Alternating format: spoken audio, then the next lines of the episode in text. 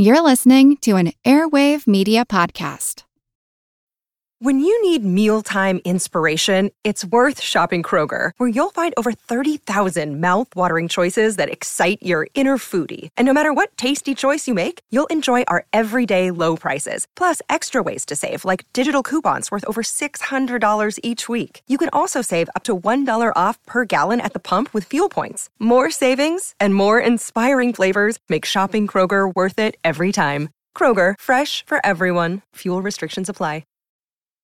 This episode is brought to you by Snapple. Want to know another Snapple fact? The first hot air balloon passengers were a sheep, a duck, and a rooster. Ridiculous. Check out snapple.com to find ridiculously flavored Snapple near you. This is Kick Ass News. I'm Ben Mathis.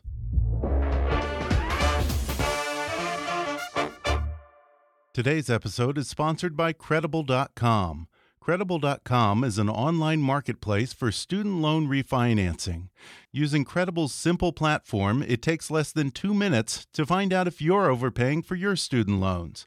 You could save thousands by refinancing. All you have to do is visit credible.com/kick, answer a few questions, and right away you'll get real rates, not ranges of rates, from multiple lenders. Checking your rates will not affect your credit score, so you really have nothing to lose. The average user who refinances through credible.com saves almost $19,000 over the life of their loan. And for a limited time, my listeners will get a $200 welcome bonus when refinancing through credible.com slash kick. That's credible.com slash kick. And now, enjoy the podcast. Hi, I'm Ben Mathis. Welcome to Kick Ass News.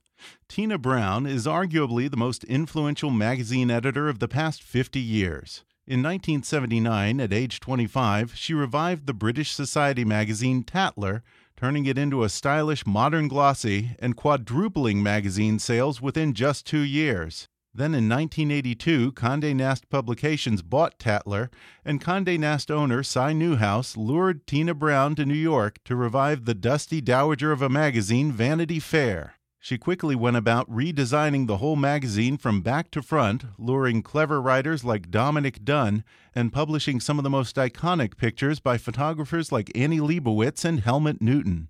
Sales for the magazine quickly shot up from 200,000 magazines to 1.2 million under Tina Brown, and VF became synonymous with celebrity, high society, and an edginess all its own.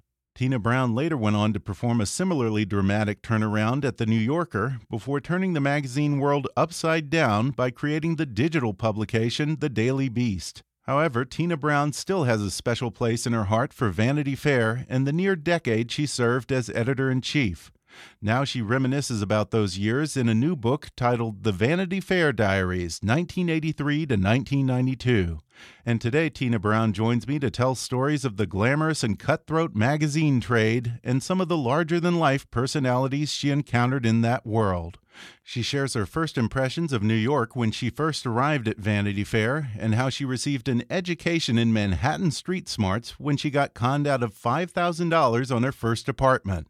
She talks about how she got the gig at Vanity Fair, how she quickly revamped the magazine cover to cover, and the importance of what she calls the mix of a magazine. She recalls having a front row seat for the excess of New York in the 1980s, her first encounter with a young, boastful Donald Trump in those days, and later her nightmarish business partnership with disgraced movie mogul Harvey Weinstein.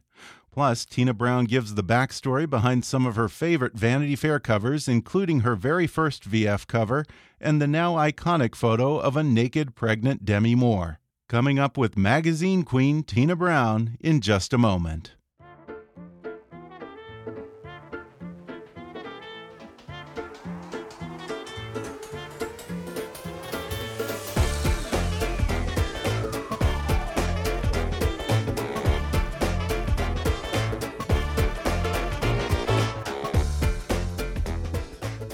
Tina Brown has served as editor of Tatler, Vanity Fair, and The New Yorker between 1979 and 2001. Then she took magazines online, founding The Daily Beast in 2011. Queen Elizabeth honored her in 2000 as a commander of the Order of the British Empire, and in 2007 she was inducted into the U.S. Magazine Editors Hall of Fame. More recently, she founded the Women in the World Summit in 2010 and launched Tina Brown Live Media to expand women in the world internationally. Now she's written a new book that recalls her first years in New York and her transformation of Vanity Fair magazine when she served as editor for a decade. It's called The Vanity Fair Diaries, 1983 to 1992. Tina Brown, thanks for joining me. So happy to be here. It's wonderful to be in LA. The Vanity Fair Diaries is literally a selection of your diary entries written at the time when you were running Vanity Fair. Do you think that lends a little more authenticity than looking back through the prism of history and trying to recall events for a memoir? Well, it's interesting. You know, when I began to, to write this book, uh, I had originally thought I would write a memoir. But when I went back to the kind of spidery writing in those notebooks, which is was going to serve as the source for a memoir, I came to realize that there's something about the onrushing excitement of the present, something about the real time, passionate uh, experience through new eyes of a young woman arriving in New York for the first time that was actually very, very uh, seductive in a way. And I took the entries and I shaped them and I amplified them and I made them into a narrative, really, of uh, a young woman's journey. And I think uh, it, it's fun. I mean, there's no doubt about it. It's kept a freshness that uh, perhaps a memoir wouldn't have had. Now, when Cy Newhouse and Alex Liberman invited you to New York to discuss coming over to Vanity Fair, what were your first impressions of the city?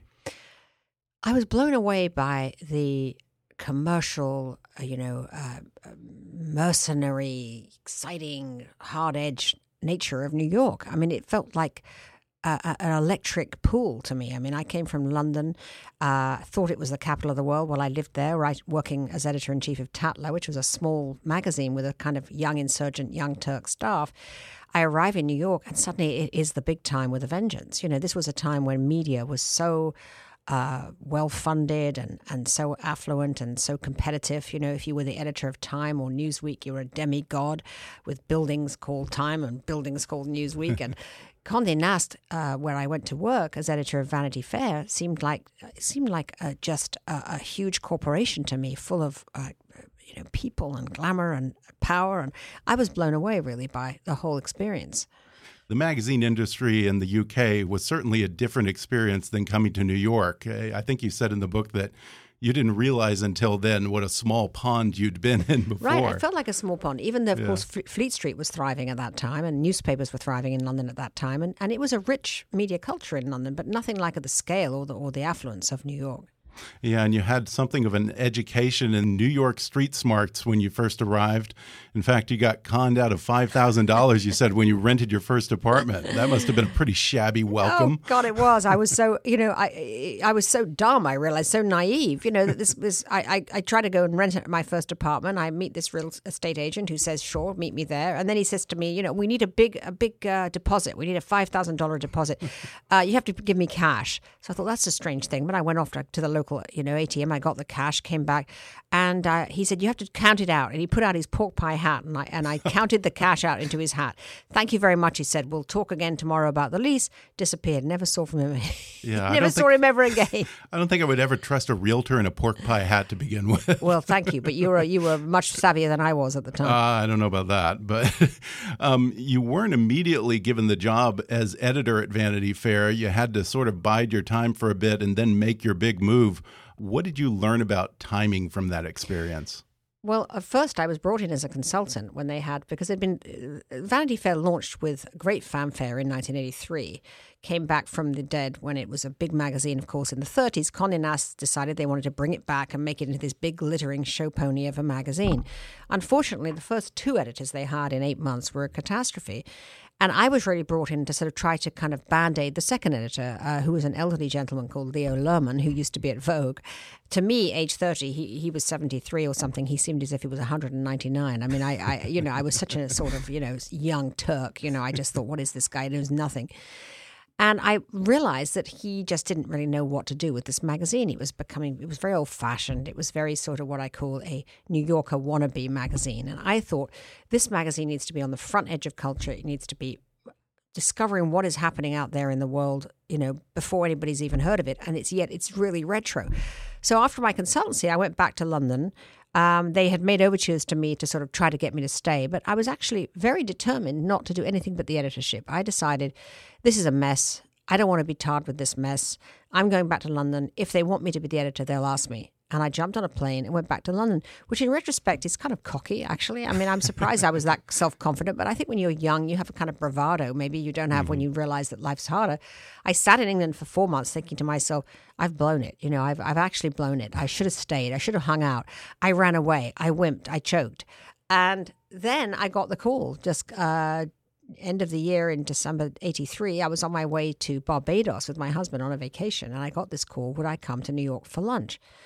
I, of course, immediately said yes, even though it meant flying from Barbados with just a, a suitcase full of bikinis to have the big job interview. Had the big job interview with Newhouse and uh, Liberman. They offered me the job, and I couldn't believe it that I was actually going to start the job. They said the only thing is you have to start right after Christmas. You have to come back and start right away. The magazine's going to fold if you don't have we don't get this editor out. Wow. So I came back to New York, uh, was still with my holiday clothes, and I never went back to England again for three years. I mean, it was like I, my husband went back to England, shut up the house, rented it out. You know, he was amazingly supportive. He went off then to teach for a bit in in uh, at Duke University while he kind of, uh, you know, organized his own life. But he was great about saying, "You must jump, you must do this." Many husbands wouldn't. Many would have said, "Hey, wait a minute, we live in London," you know. but I didn't have kids at the time, and uh, that makes you courageous. You know, it was Yeah. a big chance, and I took it. Yeah, and your husband Harry was an editor as well at Condé Nast Travel and at Random House, I believe. What is a marriage between two editors like? Are you just constantly looking over each other's shoulder and giving critiques? Or Well, what? of course, Harry was uh, 25 years older than me, and he was really London's most celebrated uh, newspaper editor. Right.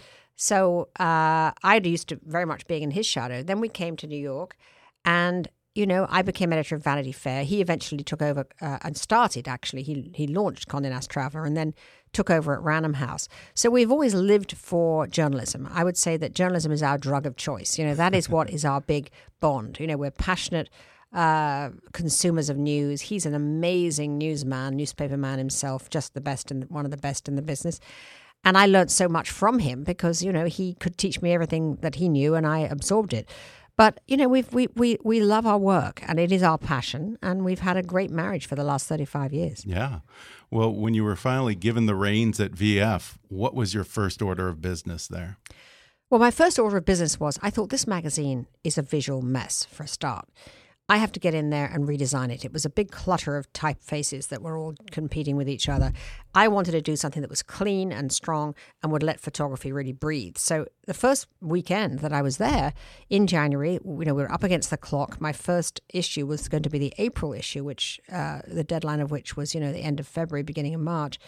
So I got in there over a long weekend with the art director, and I literally redesigned the magazine, uh, Wow. front to back. I mean, contents page, back page, structured the magazine, front of book, back of book, made a whole different structure to the magazine, which is really the magazine that you see today. That's mm-hmm. really what we did Yeah. on that long weekend. Incredibly, is what you see today, really. And then I thought, I've got to get some fantastic photographs. I know there are some here, and I knew that some photographers had already been sort of hired but weren't being used. And I ransacked the drawers in the art department, and lo and behold, what did I find? I found a fantastic portfolio by Annie Leibovitz of comedians wow. that she had photographed. Uh, you know, Whoopi Goldberg in a bath of, of milk, which turned out, of course, to be an iconic Yeah. photograph. Uh, Pee Wee Herman, uh, uh, you know, all of these wonderful comics of the time. And I thought, my God, it's the April issue. We'll call this April Fools, and I will run this as a portfolio. Just boom, you know, a fanta- and we did, and it was a wonderful series of pictures that were just so celebrated in years to come. They've, they've been in many, many books. So that was one of my first sort of moments of realizing that there was so much visual gold to be made. And, and we hired um, Helmut Newton, of course, who's one of the great photographers yeah. at the time. He was doing fashion primarily for Vogue. And I gave him sort of journalistic assignments, which turned gave him a new direction and teamed him with the writer that I also discovered, Dominic Dunne, uh, to uh, to do great sort of social stories together. And together they did the very famous story about uh, the murderer, accused murderer Klaus von Bülow, uh, with Helmut taking the pictures and, and Nick writing the, the great story of the trial uh, of, of von Bülow, which eventually became a movie starring Jeremy Irons. And uh, Klaus had a great brainwave. He said, because he's a fashion photographer and was a very sort of stylish guy, he said to Klaus, um, open your closet and let me see what we could, you know, what you could wear for the photo shoot. And he spies this black leather outfit in there and he says to Klaus, what about this? So Klaus amazingly puts on the, the, the black leather outfit. And of course, you know, when an accused murderer stands there wearing black leather, it, it, it's a bit of a statement, a you know. So I don't think his uh, lawyer was very happy about it, but those pictures went everywhere. Yeah, I mean, so many iconic pictures came out of Vanity Fair, and and the ones you were just talking about by Annie Leibovitz. How long have those been just sitting in a drawer? Just been sitting there for months, and then of course Annie and I went on for over the years to create some iconic pages. Oh, yeah. I mean, you know, her covers were absolutely great. One of her, of course, the most famous was her pictures of Demi Moore, yeah. naked and pregnant, and that What's came about. Yeah, it came about because, you know, I I had just had my second baby and had spent a year kind of cursing the fact I had to wear maternity clothes, which even sounds dated now. I mean, you remember those maternity clothes, big smocks, big, yeah. you know, that's yeah, what we used to wear exactly. when we were pregnant. Nobody wanted to show the bulge. And we heard that Demi was pregnant, and we were. I said, "Why don't we just show the stomach instead of always hiding the stomach? Let's just show the stomach." Great thing about Annie is she always goes one better than you. She came back everything. not just with a stomach in her clothing, which is what I thought. It was a stomach stark naked with, with with with with Demi stark naked. And as soon as I saw that picture, I went berserk. I said, "This is so amazing. This is fabulous. This is a whole fresh new way women can show themselves." You know. So uh, we had to persuade Demi, and um, Demi was really, uh, really very brave herself. I mean, she she went with it, and which I kudos to Demi the Walmart, which who who uh, we had to tell, we had a naked pregnant cover this month, went ballistic and said we could not possibly use it, so we had to shrink wrap it like a porn magazine, which of course only added to its appeal. Oh yeah. And I remember the night before we published the Demi Moore cover, I said to our, our PR person, I said, I wonder whether we can get this cover on the Today Show.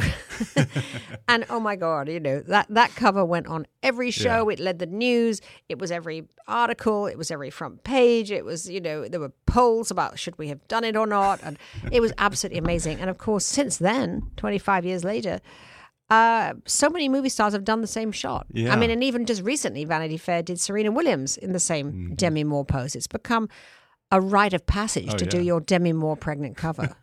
How many copies do you think that issue sold? Well, interestingly, it did sell a great many. We at the time were selling 800,000 on the newsstand and we took it up to 1.2 million with that cover and it has stayed there ever since. Wow. And one of the things, of course, that was different then uh, is that a really explosive cover like that would actually move units. You know, mm-hmm. it would sell magazines. Yeah. Today, if you have a cover like that, it goes up online, everybody sees it yeah, and nobody still the buys the magazine. And it's yeah. really it was a very big difference. Recently, Vanity Fair did the brilliant cover of Caitlyn Jenner. You know when mm-hmm. she had the uh, transgender cover, and yet even though it went all over the world, it didn't move the units because people just yeah. saw the picture, and that was what they needed to see. Which must be tragic for you on some level because you talk about being such a lover of books and magazines and how you collect magazines, how you get excited when you walk in a home and there's stacks of books yes, there. Yeah, I do. And I'm still, you know, a passionate print person, but, you know, magazines are very challenged now, indeed. Mm -hmm. And I think that magazines can only really continue to exist if they are very high quality and build a kind of ecosystem around themselves mm. of, you know, podcasts and TV and other things because alone a magazine is very has a hard time surviving. Uh, I was interested to read in the book about how when you came in, you and your team reworked what you called the mix of Vanity Fair. How important is the mix of a magazine? The mix is critical. I mean, if if I'm anything, I'm a mixologist, you know, because I believe that it's not simply a magazine isn't just a collection of articles with a staple through it. You know, you can have six great articles that don't make a great magazine. Oddly, uh, it's really all about the energy that's created by the juxtaposition of of things. And so Vanity Fair, the mix as we came to see it, began to evolve as something that we could do every month. And that that mix really was a dazzling celebrity cover, which would move the copies and bring that glamour immediately. Then a terrific narrative, political narrative, crime story, something that had a really gritty, uh, newsy flavor to it then a cultural piece, perhaps a piece about an author, a piece about an artist that would kind of be the sort of elevating thing, then perhaps a personal essay that talked about somebody's personal experience.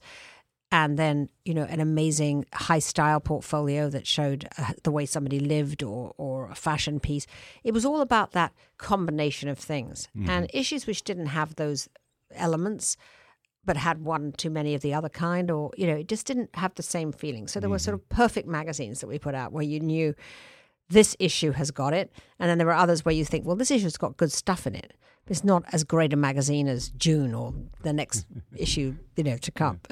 Did you have any kind of, uh, I guess, an elevator pitch or what you would say encapsulated the Vanity Fair of Tina Brown? What was interesting, actually, one of the problems we had was that it was such a combination of things that one elevator Yeah, pitch was difficult. And that's what made it hard to get advertising at the beginning. They would say, but wait a minute, is this a celebrity magazine? Is it a uh, fashion magazine? Is it a, a, literary magazine? Is it a political magazine? There was a puzzlement on the part of advertisers. Say, how do we categorize it? Which, of course, the answer is yes to all of those things. that it was that combination. I mean, the Vanity Fair is is is is, is just a, a, a fantastic high low package, and and it's it's the all you can eat uh, cultural buffet of of you know what's happening in the world. Uh, did you see any other magazine out there as a chief rival or occupying the territory that you wanted to stake out for VF? I really thought that you know we occupied a unique place, and that because of that, we sort of competed with everybody. We competed with the New York Times, we competed with New York Magazine, we competed with Rolling Stone, we competed with W in some ways. So eh, we competed with everybody. We wanted to be first, we wanted to be the, the best, and we wanted to be the most exciting. Well, the cover of your first issue has this amazing photograph of Daryl Hannah, and the headline was Blonde Ambition. And in some subtle or maybe even not subtle way, was that your way of announcing yourself at Vanity Fair? Yeah, it was a sort of a wink at the readers. It was it was a multiple wink. First of all, it was a wink at the readers about me, but it was also a, wink at the readers because we had Daryl Hannah there, blindfold, like the blind justice, you know, and it was about here's the magazine in the balance, and it was also like a wink at the Oscars because you mm-hmm. know she's holding the two Oscars in either hand instead of the scales of justice. So it was a it was a Helmut Newton special, which had many levels of in, of, of interpretation. Yeah, and now Vanity Fair has become so associated with the Oscars. The Oscar issue is perhaps the biggest issue each Yes, year, I yes, imagine. Vanity Fair owns the Oscars at this point. Now, I imagine when you arrived there, you probably had to come in with a good deal of confidence to lead the turnaround at VF and squelch dissent in the ranks or any doubts about you. But were there some humbling moments or lessons learned in that first year or two? There were many lessons learned. I mean, uh, you know, I was a newcomer and I didn't know a lot of people there. And I would sometimes reject a piece by some big name. I remember I rejected a piece by the great ballet man who invented the sort of New York City ballet, uh, Lincoln Kirstein, his name was. I just like blithely like just said, oh, this is no good. I just sent it back. I mean, the instinct was right. It wasn't very good, but the way I handled it was pretty bad. And he made a bad enemy out of the guy. And I actually walked into a dinner party, uh, and there I found he was my dinner partner. And he took one look at me and threw his nose in the air and headed for the elevator. Vanity Fair has become synonymous with parties now, and you talk a lot about all the dinner parties you went to in this book. Uh, do you enjoy that life? you know, I always went as a consumer of material. I mean, that's really what had me in a in a long dress and, and hitting the scene. I saw the dinner parties as the place to go hunting for stories, for leads, for uh, information, for uh, early early sound of what was going on. So for me, the scene was something that I was always there as an observer. And I think in the diaries, the fun of the diaries is just sort of what I was really thinking a lot of the time during these dinner parties, which was pretty irreverent, but also how often the dinner parties might lead to very good stuff. For instance, one story tell, talks about how I'm at a black tie benefit for. Uh, which was actually an event for suicide survivors. It was a fundraiser. And in fact, I was invited by Anna Wintour because her husband was a psychiatrist and he worked with survivors of suicide. So they invited me to join their table. And during the evening, one person got up, the writer, famous writer, novelist, William Styron, who wrote Sophie's Choice. He got up and made this very moving speech about how he had suffered from depression and how uh, he'd once tried to commit suicide. So I went up to him afterwards and I said to him, Mr. Styron, would you ever write that as, as a piece? And he said he'd think about it. The next day he called. He agreed to write the piece, and it became a most astonishing essay in Vanity Fair called Darkness Visible, which was a title I gave it from a poem, actually, which for me defined what depression felt like darkness visible. And Bill, Styron wrote the piece, it went. It had such a huge impact. I mean, 60 Minutes did a big piece out of it. It was uh, had such a, a, a, a tremendous reverberation in the culture about the meaning of depression, and I think it was very helpful to many people who had kept such a secret about the fact the way they felt. And he went on to write, turn it into a book, which became a bestseller. So that was an example, really, of how being editor of Vanity Fair allowed me to take an evening like that and turn it into something that became uh, quite remarkable in, in in the history of the magazine and also in the culture. And as the editor of the magazine of record for New York in the 1980s, you had invites to all of these parties and a front row seat to the excess of the gilded 80s. Uh, describe those days for us in New York. What was that like? Well, it was a really remarkable time because it was so kind of hectically social in a way that it isn't anymore. I mean, people gave black tie dinners in their own homes, which just, I mean, I, I think I gave a black tie dinner in my home, which is, I can hardly imagine I would ever do such a thing except as a joke. Uh, but I did. And that's the way it was red nails, you know, the whole poof dress phenomenon. And uh, uh, there was a, a hostess there called Alice Mason. She's a realtor. And she used to give these dinners where everybody used to go. And there were all of these billionaires would go, you know, the famous people, you know, from Trump to, to uh, you know, to um, uh, Saul Steinberg and Carl Icahn, who's now part of the Donald Trump swirl. In fact, many of the Right. people in on the scene now are these throwbacks to the 80s. So that you see, in a sense, today how the 80s has resurfaced and is almost sort of being relived in some strange, you know, That's an interesting depending on how you feel about him, I suppose it's either a fantasy or a nightmare. What was Donald Trump like back then? Your paths must have crossed a lot. they crossed a the lot. He comes into the into the diaries a lot. Mm-hmm. Uh, well, I first meet him at a dinner party where he's I just extracted for the magazine The Art of the Deal, and I bought it for the magazine because I liked his voice. Actually, I said this is authentic BS. Yeah. Is what I said. I said it's authentic BS because you know it's it's a kind of entertaining con man, and you feel you're nose to nose with this con man, and it, it, yet it's real. It feels real. Mm-hmm. So I liked the book and I took an extract of it. And as a result, you know, he was very friendly to me. So we were at this dinner and we were had two or three people in between us, but he talked over their heads to me because our dinner partners weren't talking to us. So he was like shouting across to me, Hey, Tina, you know, like uh, I'm in the cover of Newsweek uh, this week, you know, is like, uh, what do you think? Uh, what's better, Time or Newsweek? So I said, Well, actually, I think Time is better. He went, Well, but I could have had Time as well. I could have had Time. Uh, you know, it's sold more copies than anybody's ever seen, you know. Uh, and he was like this, you know, he was like that. Yeah. And, I, and I, but I thought he was funny and I thought he was brash and, and amusing. As time went by, he got lost, less funny to us Yeah. because he got very angry whenever we published pieces he didn't like. Yeah. Very much true to form today. And Marie Brenner did a very uh, famous piece on him, which was very revealing and and described how he had Hitler's speeches on his desk and how his brother said that he Oh my was. God. I know, and said that he was. His brother said that he was the boy who threw cake at the birthday party. He did not like this piece, as you can imagine, and he got his revenge by. Uh, em- em- emptying a glass of wine down Marie Brenner's dress when they were at a, a, a benefit one evening. So he hasn't changed a lot. As you just said a moment ago uh, in the book, uh, I have a quote here. You say that he's an entertaining con man, and the rest of that statement was, and I suspect the American public would like nothing better. Looking back, could you have imagined him in the White House? Well, I certainly uh, was prescient at that moment because I did see his appeal.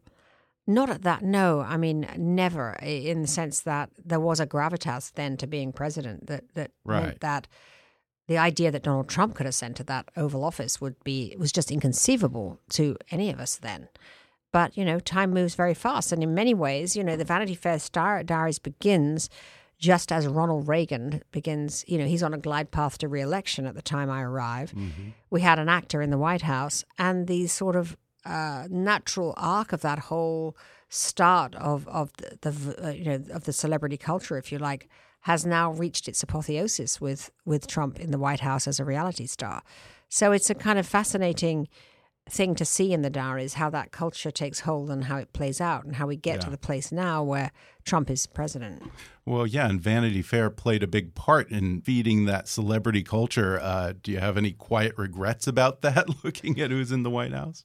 No, I don't, because you know, Vanity Fair was a magazine that reflected uh, and explained and uh, you know revealed the age of which it was a part. I mean, as time went by, Vanity Fair evolved. We became a deeper, more serious magazine as the years went by. We published very meaningful, you know, p- uh, political and narrative pieces by many great writers, particularly on uh, foreign affairs. And so I don't really feel anything except that we did a really good job of, of covering it, mm-hmm. frankly. And uh, I think a magazine always has to be out there on the front lines of culture, describing what is coming down, what's about to come down, and what has been happening before your eyes. The other thing that helped fuel the Trump presidency was, of course, Fox News and Rupert Murdoch. Your husband uh, was no fan of Rupert Murdoch, having dealt with him. Have Harry and Rupert ever made up or buried the hatchet by now? Well, you know, actually, you know, again in the diaries, Rupert sort of surfaces like a virus throughout. the, uh, Actually, they're on pretty good terms. Yeah. Um, my husband, in fact, admired what Rupert did uh, to break uh, a, a, huge kind of uh, union deadlock in, in London, and uh, which had constantly made his newspaper go on strike. So he has an admiration for, for Rupert as a strategist. But um, you know, he's also uh, Fox News has, has has redefined our culture in ways that uh, Harry, as a newsman, obviously finds difficult to mm. relate to. Frankly. Now, after your time at Vanity Fair and The New Yorker, you became editor in chief at Talk Magazine, which was, of course, Harvey Weinstein's brief sojourn into publishing.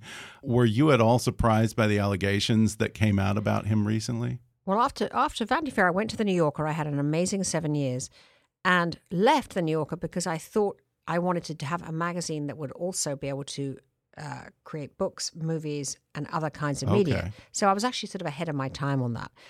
Yeah. At the time I left, Harvey Weinstein was producing some very amazing films. You know, he had just done right. The English Patient, he'd done uh, uh, Shakespeare in Love, he'd done uh, My Left Foot, My Beautiful Laundrette. Pretty much every movie that I loved had been done by Harvey Weinstein. So when he came to me and said, I want to do a magazine that does movies and books, and it was exactly what I had been thinking about doing. And I thought that he would be a great entrepreneur partner to uh, a rough diamond, perhaps, yes, but one who could get things moving. Uh, I was completely shocked, obviously, by what we've seen in the revelations recently. He was, it didn't. His personality, however, was very abusive and and and uh, and very very difficult to work with. I mean, in in many ways, and he was very secretive. That's the thing that really Really? I noticed. Very secretive, which very surprised me. He was very, very deeply paranoid man. I kind of understand now what he was paranoid about.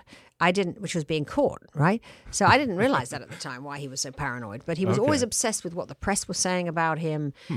Uh, he always had a refrain to me, which was, "Did they want to know about my social life?" I used to think, why is Harvey always asking about his social life? I now understand he actually meant his sexual life. Yeah. Uh, so you know, it, it, didn't really, but but it was a shocking thing to read how how bad it had got. You had had great working relationships with Alex Liberman and Si over at Condé Nast. What was the working relationship with Harvey Weinstein like? Well, I mean, it was, you know, obviously Alex and Si were always just wonderful collaborators, incredibly, you know, elegant people to deal with, and there was never any question of anything, you know, untoward with them to go to work for Harvey after that was a brutal awakening. I have to say. Mm-hmm. I mean, it mm-hmm. was it was it was a brutal scene over over there. Uh, really? Very aggressive and, and very profane and very, you know, coming on. He he would think nothing of coming on the speakerphone and you know, bawling me out in front of my entire team and, you know, really? this kind of stuff. He was very, very difficult to work with. Uh, yeah. I mean, it sounds like a, a, terrible example of leadership to hire someone who is an expert and at the top of their field to go and do something you have no experience with whatsoever and then try to tell them how to do their job. Well, thank you for saying that. That's kind of how I felt. But anyway, I survived. Yeah. Whatever, you know, what doesn't, uh, what doesn't kill you makes yeah. you stronger, as they say. yeah. And then after that, you, of course, started the Daily Beast. Yes, which was a, which took was, magazines online, which was such a joyful experience. I mean, as as difficult as talk was, although I certainly put out a great magazine, I believe, and and had a fabulous staff with me. Yeah. The Daily Beast was just a really joyful experience because it reminded me really of my days at Tatler in London when mm-hmm. I had mm-hmm. just a bunch of kids who were extremely talented and nothing to lose, and we just went at putting out something that was just a daily response in a way that was clever and fun. And we created a very successful online oh, yeah. uh, site, uh, a news site, which you know won Best News Site of the Year award two years running with the Webby Awards, and uh, is still going strong. So that was a very exciting sort of uh, you know uh, second act, if you like, in yeah. digital journalism. Yeah, and as someone who was part of bringing magazines online, and then eventually, of course, the Daily Beast absorbed Newsweek and took Newsweek Yeah, off stands that- and exclusively online later great, on. That was not but- such a great idea. Oh, Because really? actually, oh, you think end, so? That's interesting. Well, I think that in the end, the Daily Beast was a stronger brand by that point. You know, I mean, Newsweek Really? was in a way, and it's kind of it was in its last throes, and Mm-hmm. the Daily Beast was this insurgent brand, you know, a young brand, and some ways uh, we should have stayed that way, and, and in a way, that's what happened. I mean, you know, the Daily Mm-hmm. Beast, you know, survived, and, and Newsweek then went off and uh, and was spun off Yeah. into something different.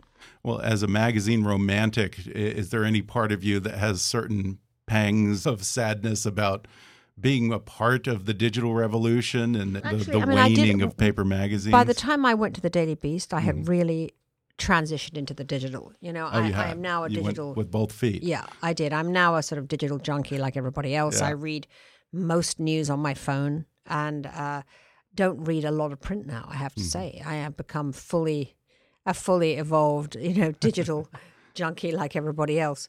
Um, I'll always miss the artifact of magazines, the beauty Mm-hmm. of beautiful pictures, uh, glossy paper, you know, lavish headlines. I mean, there's something very lovely indeed about print, and I love print books. I'm not. I'm not actually a. Uh, I don't read my books uh, on Kindle, as a matter of fact. I mean, I have? Kindle, but I Yeah. I prefer the hardback book, and I always Yeah. will. I think. Well, they say that millennials now are gravitating back toward that because if they're going to buy music or a book, they want to have something that they can put on their shelves to show off. I think show people there may well be that the digital native generation does gravitate back to print Mm-hmm. because it has a vintage cool to it. Yeah. You know that there when, Yeah. when, when all you've done is have digital, there's something very beautiful and very new about Yeah. having an artifact uh, like a book, which is forever. Yeah, and I, I just like the idea of having a book that I can pass on to someone Yeah. uh, eventually, whether it's grandchildren one day or a friend. and It's just to look up and see and to see your books on the shelf like old friends. I mean, Yeah, I yeah. whenever I've finished a book, I always want to make sure I never leave it anywhere. I put Yeah. it, come back, goes onto my shelf, and there it is. It's an old friend Yeah. that I can return to. Uh, speaking of old friends, what are a few of your favorite Vanity Fair covers from your era there? Oh, I loved. Well, obviously De- Demi, Moore Demi. was was one of the great ones. I loved that first Daryl Hannah, which just has a shimmer even to this day. I love some of the male covers actually. We did some wonderful covers of Jack Nicholson in a lemon shirt pushing up the shades of uh, uh, his Yeah. glasses, which had such a kind of impish thing. We did a wonderful Kevin Costner cover that, that Helmut Newton did with his tie hanging off, looking like the ultimate, very stylish kind of Bogart like bad boy, which was a wonderful cover. Um, we did a great Cher cover, uh, wonderful Madonna cover. You know, there's so many of them are are really iconic today. Yeah. Now, former Time editor Radhika Jones has just recently been named editor in chief at Vanity Fair. What kind of advice would you give to her? Well, for a start, follow her own instincts Mm-hmm. and not feel cowed or sort of intimidated by the past, while at the same time doing really what I did at the New Yorker, uh, which is uh, uh, being very cognizant and very deep steeped in the DNA of the magazine as it is.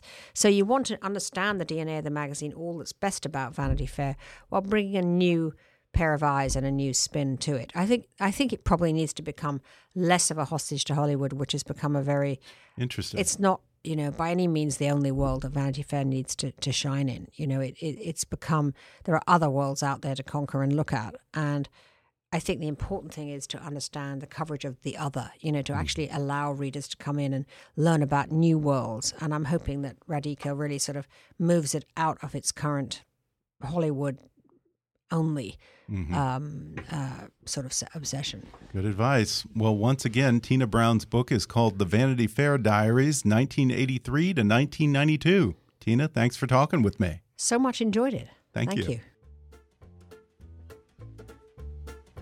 Thanks again to Tina Brown for coming on the podcast.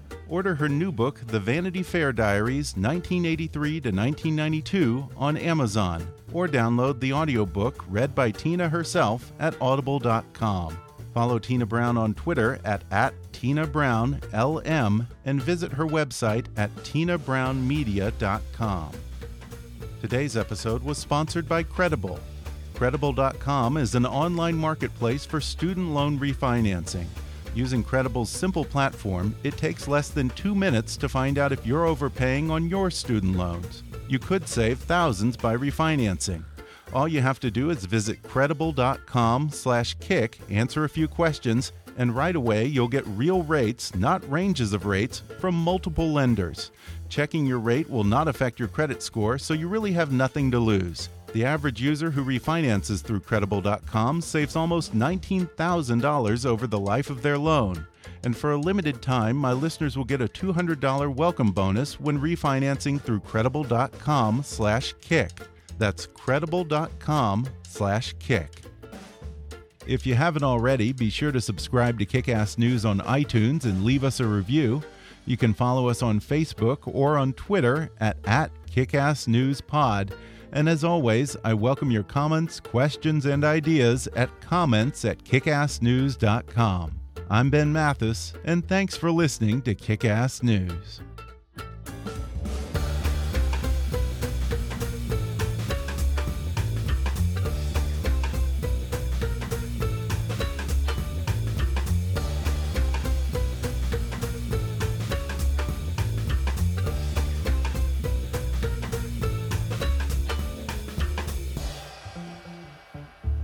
Kickass News is a trademark of Mathis Entertainment, Inc.